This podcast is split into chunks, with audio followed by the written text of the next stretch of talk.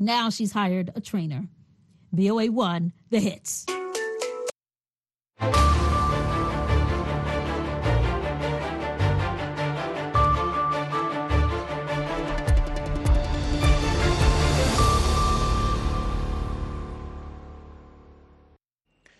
halkani waa washington laanta afka soomaaliga idaacadda v o a oo aad ka dhageysanaysaan mawjadaha gaagaaban efemiyada geeska afrika iyo caalamkao dhan oo aad nagala socotaan v o a somaly com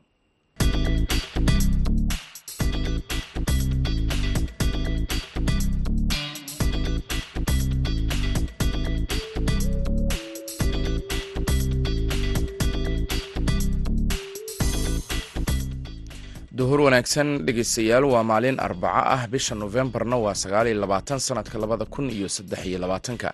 Afrikada bari saacaddu waxay tilmaamaysaa kowda iyo barka duhurnimo. Idaacadda duhurnimo ee v o a waxaa idinla socodsiinaya anigoo ah maxamed bashiir cabdiraxmaan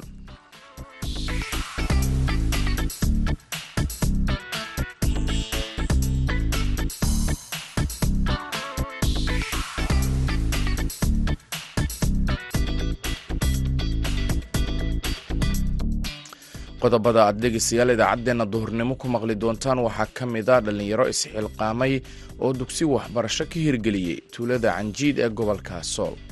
Nidaamka muddada dheer aanu soo wadnay waxa weeye waanu ku faa'iidnay aanu iskuulkayagii dib u furanno nabadgelyo iyo haddaando taariikh iyo juquraafi iyo sistem waxbarasho. Maanta mar haddaanu waa alxamdulilah rabbilcaalamiin dadka yagiina wax dhintay mooyaane wixii noolaa saaka ay noo soo noqdeen taana aanu horumarka halkaa ka sii wadno waxaanu rajaynaynaa in ilaahay qaniga aanuu siyaadiyo waxbarashadayada waxaad kale oo dhegaysan doontaan warbixin ku saabsan magaalada cadaado oo laga furay goob ay aqoonta isku weedaarsadaan dhallinyarada qodobadaasi ciyaarihii ayaad sidoo kale maqli doontaan balse waxaa ka horeynaya warkii caalamka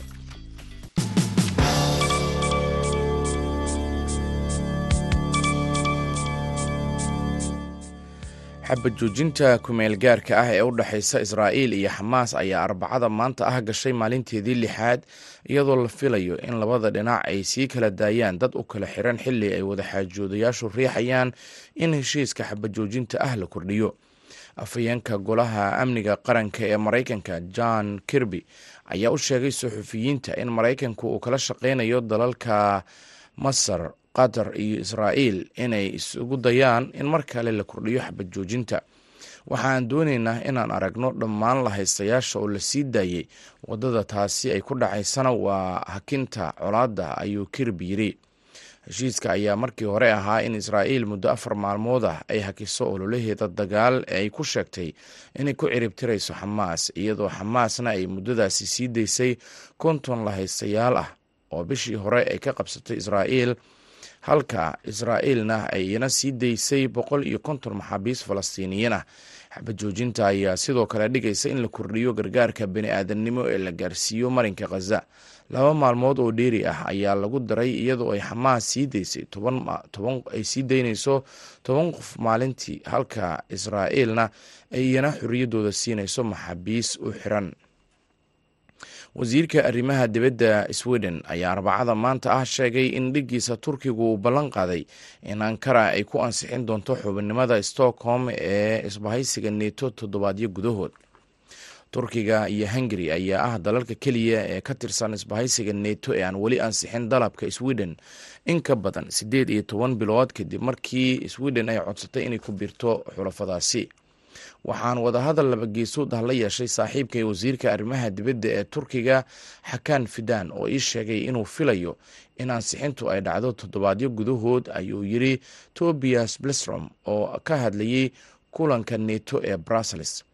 Baarlamaanka turkiga ayaa bishan bilaabay kadoodista codsiga sweden ee kubiirista isbahaysiga neto kadib markii madaxweyne rajeb tayib erdogan uu gudbiyey kadib heshiis lagu gaaray sharmadaxeedkii neto ee dhacay bishii juulaay sagaaliyo labaatanka dal ee ka tirsan neto marka laga reebo turkiga iyo hungari waxay rajeynayeen in si rasmi ah sweden ay ugu soo dhoweeyaan shirka wasiirada arrimaha dibadda ee isbahaysiga neto ee ka dhacaya brussels. Laakiin hanaanka ansixinta ayaa weli ku jira gacanta guddi ka tirsan baarlamaanka turkiga. Finland ayaa bishii abril noqotay dalkii koob iyo soddonaad ee ka tirsan isbahaysiga neto warkii dunidana dhegeystayaal waa naga inta.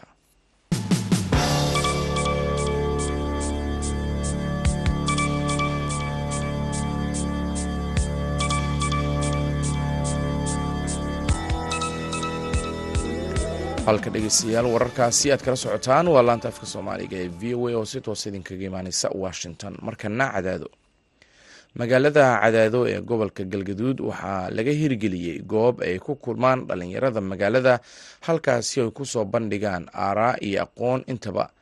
Xaruntan ayaa waxaa furisteeda ka qayb qaatay dhalinyarada magaalada cadaado. Cabdiwaaxid macalin isaaq ayaa warbixintan noo soo diray. Dhalinyaro ku dhaqan degmada cadaade ee gobolka galgaduud ayaa sameeyey goob ay ku kulmaan dhalinyarada aqoon-yahanada iyo kuwa hal abuurka leh si ay bulshada qeybaheeda kale ugu soo bandhigaan aqoonta iyo hal abuurka ay hayaan. Saxnuun axmed maxamuud waxa uu ka mid yahay dhalinyaradii aas-aastay madasha lagu kulmiya dhalinyarada waxa uu sharaxaya waxa ay qabtaan. Waa madal lagu soo bandhigo aragtiyada bulshada waxa ay leedahay bandhigyo bishii mar dhaca oo kale ah. Mawaadiic habeen aan ku soo bandhigno mawaadiic khuseeyo nolosha iyo habeen aanu ku soo bandhigno suugaanta. Marka madashu waa madal dadweynaha u furan qof ay ka xiran tahay ma jiro. Shuruudda ay leedahay oo kale waxaa ka mid a ugu weyn qofkii inuu ehel u yahay waxa uu rabo inuu ka hadlo ama aqoon u leeyahay. Xasan maxamed cusmaan waxa uu sheegayaa in barnaamijyadii ay qabteen qaarkood ay dhalintu soo jiiteen.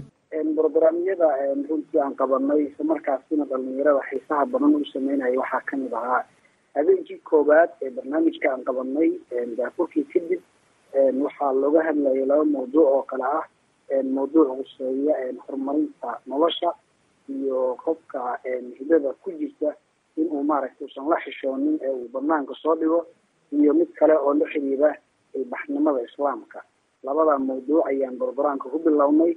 Marka runtii bulshadii ka soo qeyb gashana aada ayay ula dhaceen oo waxyaabo badan oo markaasi ka daahsoonaa ayay fahmeen. Bandhiga kasukow dhalinyaradu hawshan aada haysaan faa-iida ma u tahay? Waa u tahay cabdiwaaxid oo faa-iido tusaale ahaan habeenkii aan ku soo qaadanay waxaa ku saabsanaa mawduuca ahaa ilbaxnimada islaamka. Dad badan ayaa sheekooyinka meeshaas waxyaabaha lagu soo bandhigayay aada ula dhacay oo wax badan ka faa-iiday sidoo kale waxaa jiray isdhexgal dadka dhexdooda ah oo dad badan oo aan isdhegeysan jirin ama aan maaragtay fagaarayaasha isku arki jirin inay meeshaan isku arkeen. Marka dhalinyarada jaamacadaha dhigata aqoon-yahanada ayaa ka soo qeyb galaya barnaamijka. Marka in la doodo oo kale tusaale ahaan dad la sameeyo oo qeyb noogu ah barnaamijyadeena ama in lagjar la soo jeediyo oo nolosha horumarinteeda ku saabsan ama wax kale ama qofkii lagjarka soo jeediyey bulshadii ka soo qeyb gashay ay su'aala weydiiyaan runtii waa wax aqoonta qofka iyo maaragtay ilbaxnimadiisa kor u qaadaya oo dhisaya inkastoo goob bulshada qeybaheeda lagu kulmiye si ay u soo bandhigaan aqoonta ay hayaan iyo hal abuurka ku jira ay tahay markii ugu horeysay ee laga hirgeliye cadaada haddana saxnuun ayaa ka waramaya wixii ku dhaliyey hirgelinta madashan. Waa mahadsan tahay aragtidan waxaa nagu dhaliyey deegaankan wuxuu ka mid yahay deegaanada soomaalida caasimadaha soomaalida oo ay ku soo biirtay magaalada cadaado oo waxay caasimada dalka u tahay dowlad goboleedka galmudug. Sidaasi darteed waxaa muhiimad leh oo wax la fahmo ama la garwaaqsado ah in deegaankii dib loo milicsado dadkii ku noolaa iyo bulshadii waxyaabihii ay u baahan yihiin. Marka inagoo ah koox dhalinyaro ah ayaa waxaa aragtidaasi marka lagu dhiirageliyey ama lagula soo dhacday markii hore in dadkii deegaankii ay u baahan yihiin wax wax u sheega meelay wax ku soo bandhigaan. Inagoo ka duulayna inay dadku noqdaan dad xaaddaariyiin oo ilbaxa oo la jaan qaadaya waxa wacyiga rasmiga ee ka jira haatan dunida iyo dhalinyarada gobollada soomaalida oo kale sida hargeysa iyo muqdisho iyo meelo badan. Xasan iyo saaxiibadii ayaa gacan ka helay dhalinyarada kale ee deegaanka ku nool si ay u hirgasho goob lagu kulmiyo dhalinyarada waa ay jiraan si fiican dhalinyaro badan oo aqoon-yahanada deegaanka ah macalimiin leh arday jaamacadeed leh arday dugsi sare dhamaystay leh dhakhaatiir leh. Dadkaas runtii waa ay jiraan dad nagala qeyb qaata contributionka in barnaamijkeena oo hore u socdo. Sidoo kale waxaan kala kulanay iyo soogelin aada u weyn runtii oo aan dhihi karno waa iska muhiimsan tahay in barnaamijka sidii u taabageli lahaana lagala shaqeeyo dhiirigelintu aan ka helayna bulshada xaggeeda ee noogu falcelinayaan barnaamijyada aan qabano. Runtii waa mid aad u ballaaran islamarkaasina qorshaheena in uu sii socdo qeyb weyn ka qaadan doonto haddii oo beeno waa markii ugu horeysay oo dhalinyaro ku nool cadaada ay hamiyaan dhismaha goob dhalinyarada lagu kulmiyo sidii ay horumarka deegaanka uga qayb qaadan lahaayeen islamarkaana ay u soo bandhigi lahaayeen hal abuurka maankooda ku jira. Cabdiwaaxid macalin isaaq v o a gaalkacyo. Mahadsaned cabdiwaaxid markana dhegeystayaal waxa aan idiin soo qabanaynaa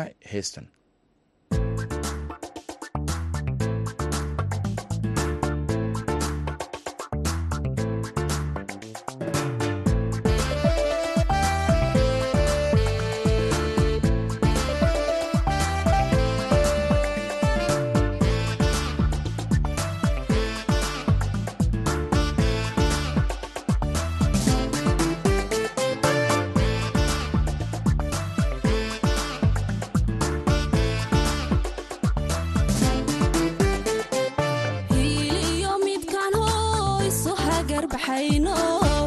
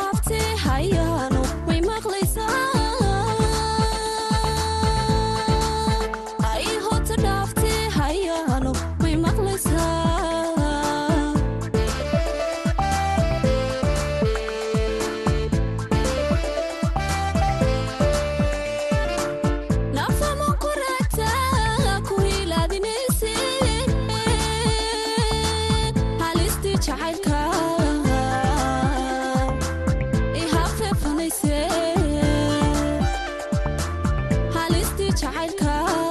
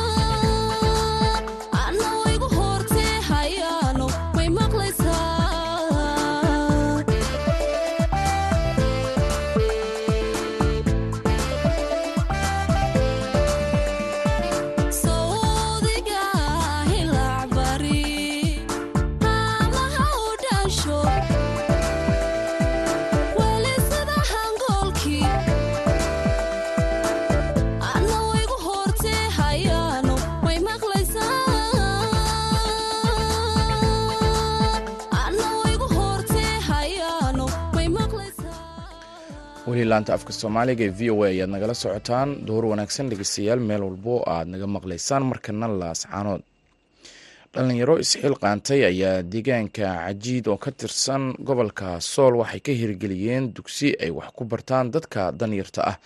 Warbixintan waxaa magaalada laascaanood ka soo diray cabdikariim olol.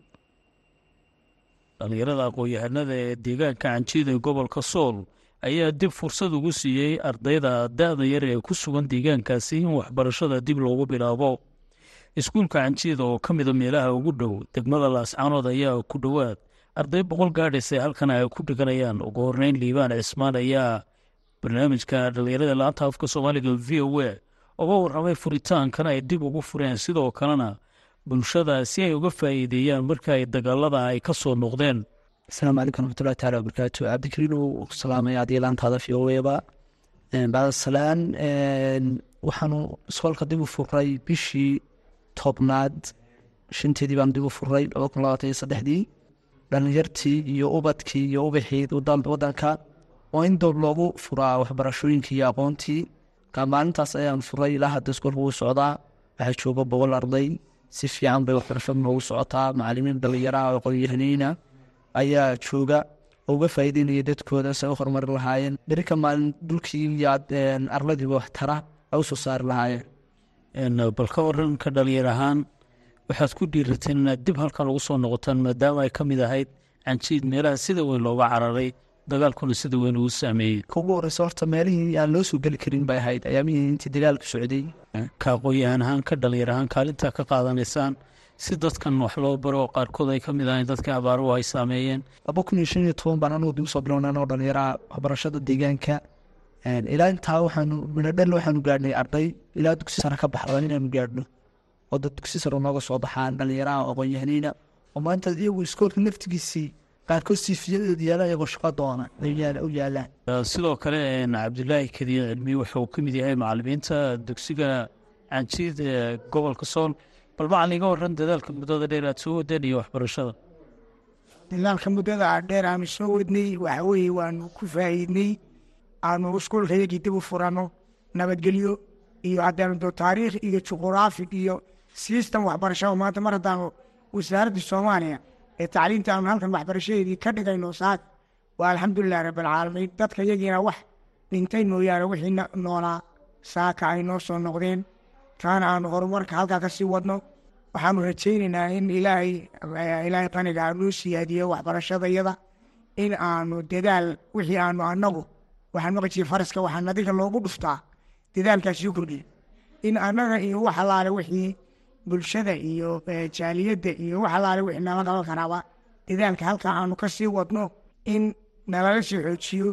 Awalba way ku jireen jaaliyadda awalba iyagaa dadkan danyartaa waxbarashada ka daboolay mushaarkooda hadeerna waxa weeye caqabada kolley ugu yaraadaga maanta nahaysta waxay tahay xagga fasalada oo in hoyga nalagu kordhiyo. Baa aanu aada iyo aad u jecel lahay arrintaas aanu aad u jecel lahay. Hadeer lambar one noogu ah. Axmed yaasiin. Cabdikariinow walaale dugsigan horta wakti hore waa dhalinyaradu dufrisu samaystay. Ee baweyne hadduu ku idmaayo waxaa heray markaa uu la wareegey fangareyntiisa iyo waxaa la yidhaahdo dee suu noqon lahaa dugsi aan dib u xidhmin jaaliyadda beesha halkan degan ilaa iyo haddana iyagaa gacanta ku haya. Annaguna ka dhalinyar ahaan inaanu aqoontayada waxaa la yidhaahdo ardayda aan ugu dadaalno say waxaa la yidhahdo u noqon lahayn kuwa tayaysan oo ay ula jaan qaadi lahaayeen. Marba meesha la marayo iyo bugaagta la dhiganayo casharada la dhiganayo baynu aad iyo aad ugu dadaalayna intayda macalimiinta halkan joogtaana dhammaantay waxaanu nahay macalin dhalinyaraha oo gobol ka shaqaynaysay se dadkooda u soo noqday oo halkan u yimisa iyaga waxu baraan. Dadaal badanna ku bixinaya. Say u noqon lahaayeen dhalinyarada iyo carruurta yarar ee soo kacaysa kuwa la tartama oo la jaan qaada waxaa la yidhahda bulshada kale ee deegaanada gaar ahaan caasimadda sagaalka bilood ee dagaalku socday qaxay oo waxaa la yidhahda dad hadda soo wada laabtay say u heli laayeen agab dhammaystiran oo waxbarasho hadday tahay bugaagti hadday tahay direeskii hadday tahay waxaa la yidhahda wax kastoo nidaamka waxbarashada uu u baahan yahay. Abdikariin nolol v o a magaalada laascaanood markana dhegeystayaal waxaad ku soo dhowaataan wararkii ugu dambeeyey ee cayaaraha mahad cali xidir ayaa muqdisho ka soo diray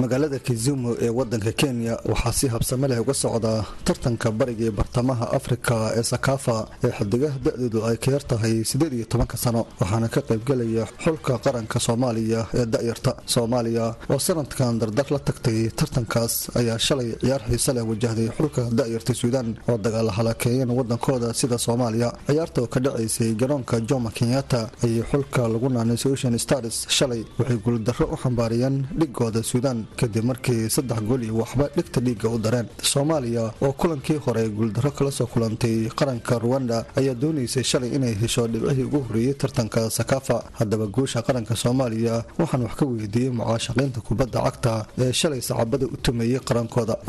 Dhawahay magaciyga waa axmed maxamed xeele. Koley guusha aan gaarno horta waa guul farxad ah koley lugta noo dhibno waa lug dhimasho ah insha allah waan dadaalaynaa si noqotaba guushaas inuu waxaan ilaah ka baryanaa inuu ilaahni tukubaada way isdhahayba laakiin maysan noqon laakiin lugtaan waa badan intaan kalin insha allah badis iyo guulal waan rajeynaynaa wallaahi banooniga cadi madow wuu yahay laakiin aniga taageernimo xulka soomaaliya waxaan rajeynaynaa inaan lafaha dhulka u dhigno. Koley nin ragna hadduu garoon galna waxaa ka sugaya waa guul iyo guul daro laakiin aniga waxaan rajeynaynaa inaan guul herno aan raadino. Anigana waan garab taagannaha xulkeena insha allah guul. Waa maasan tahay idaacadda ku dhawaariyo magacayga waa xuseen maxamuud cali xasan jimcaali wada maanta guul weynaa gaarnay oo mar walba filinayni inaan horumarkaas gaarno oo guushaas oo maanta kooxdan oo dariskeen ah inaan ka qaadano dhibcaha. Farxad weyn aad iyo aad ah taasna waxaynu noo sababay inaan niyadda hore oo noo dhismato oo niyaddeena kor u sii qaado oo kulan kale kenya u bixiyno inaan niyad yeeshano oo awood sii yeeshano. Insha allah kulamada ka socno kenya iyo inaan ka adkaano guulo badan u soo baxno oo koobkaa nagtiis oo nagtiis gaarno insha allah bismillaah magacaygu waa cukaash maxamed qaboobe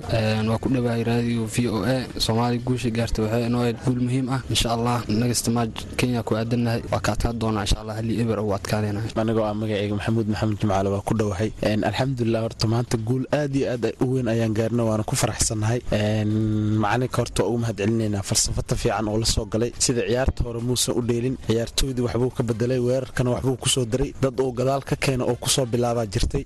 Horta ciyaaryaanka tareega dheelayna qaabka loobka u keenaya qaabka u daafacanaya horta kubadooda maasha allah ciyaartooyda dhan ma wada xumo. Toodeyna waxaan leenahay way ku mahadsan yihiin sida wacan ay u dheeleen ciyaarta soo socota ee kenyana insha allah waxaa u rajeynaa guul.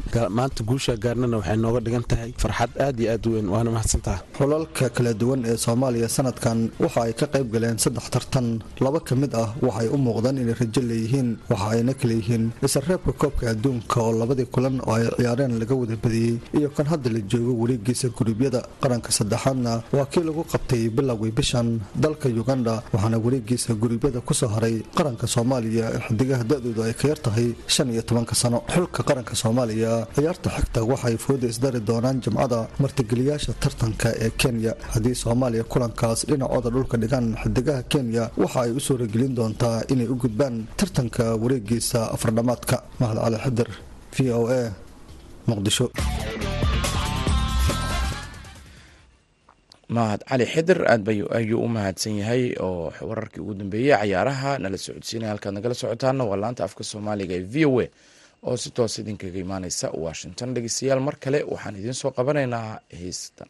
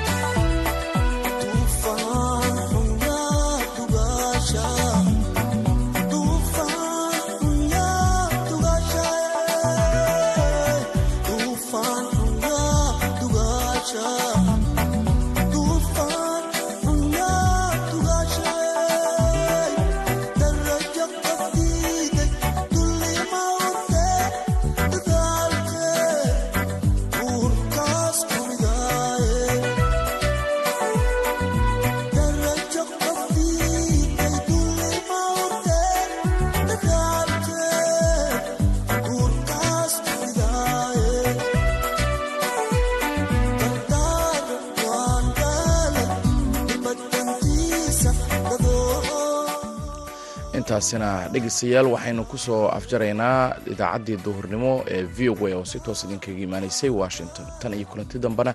Waxaan idin leenahay nabadgelyo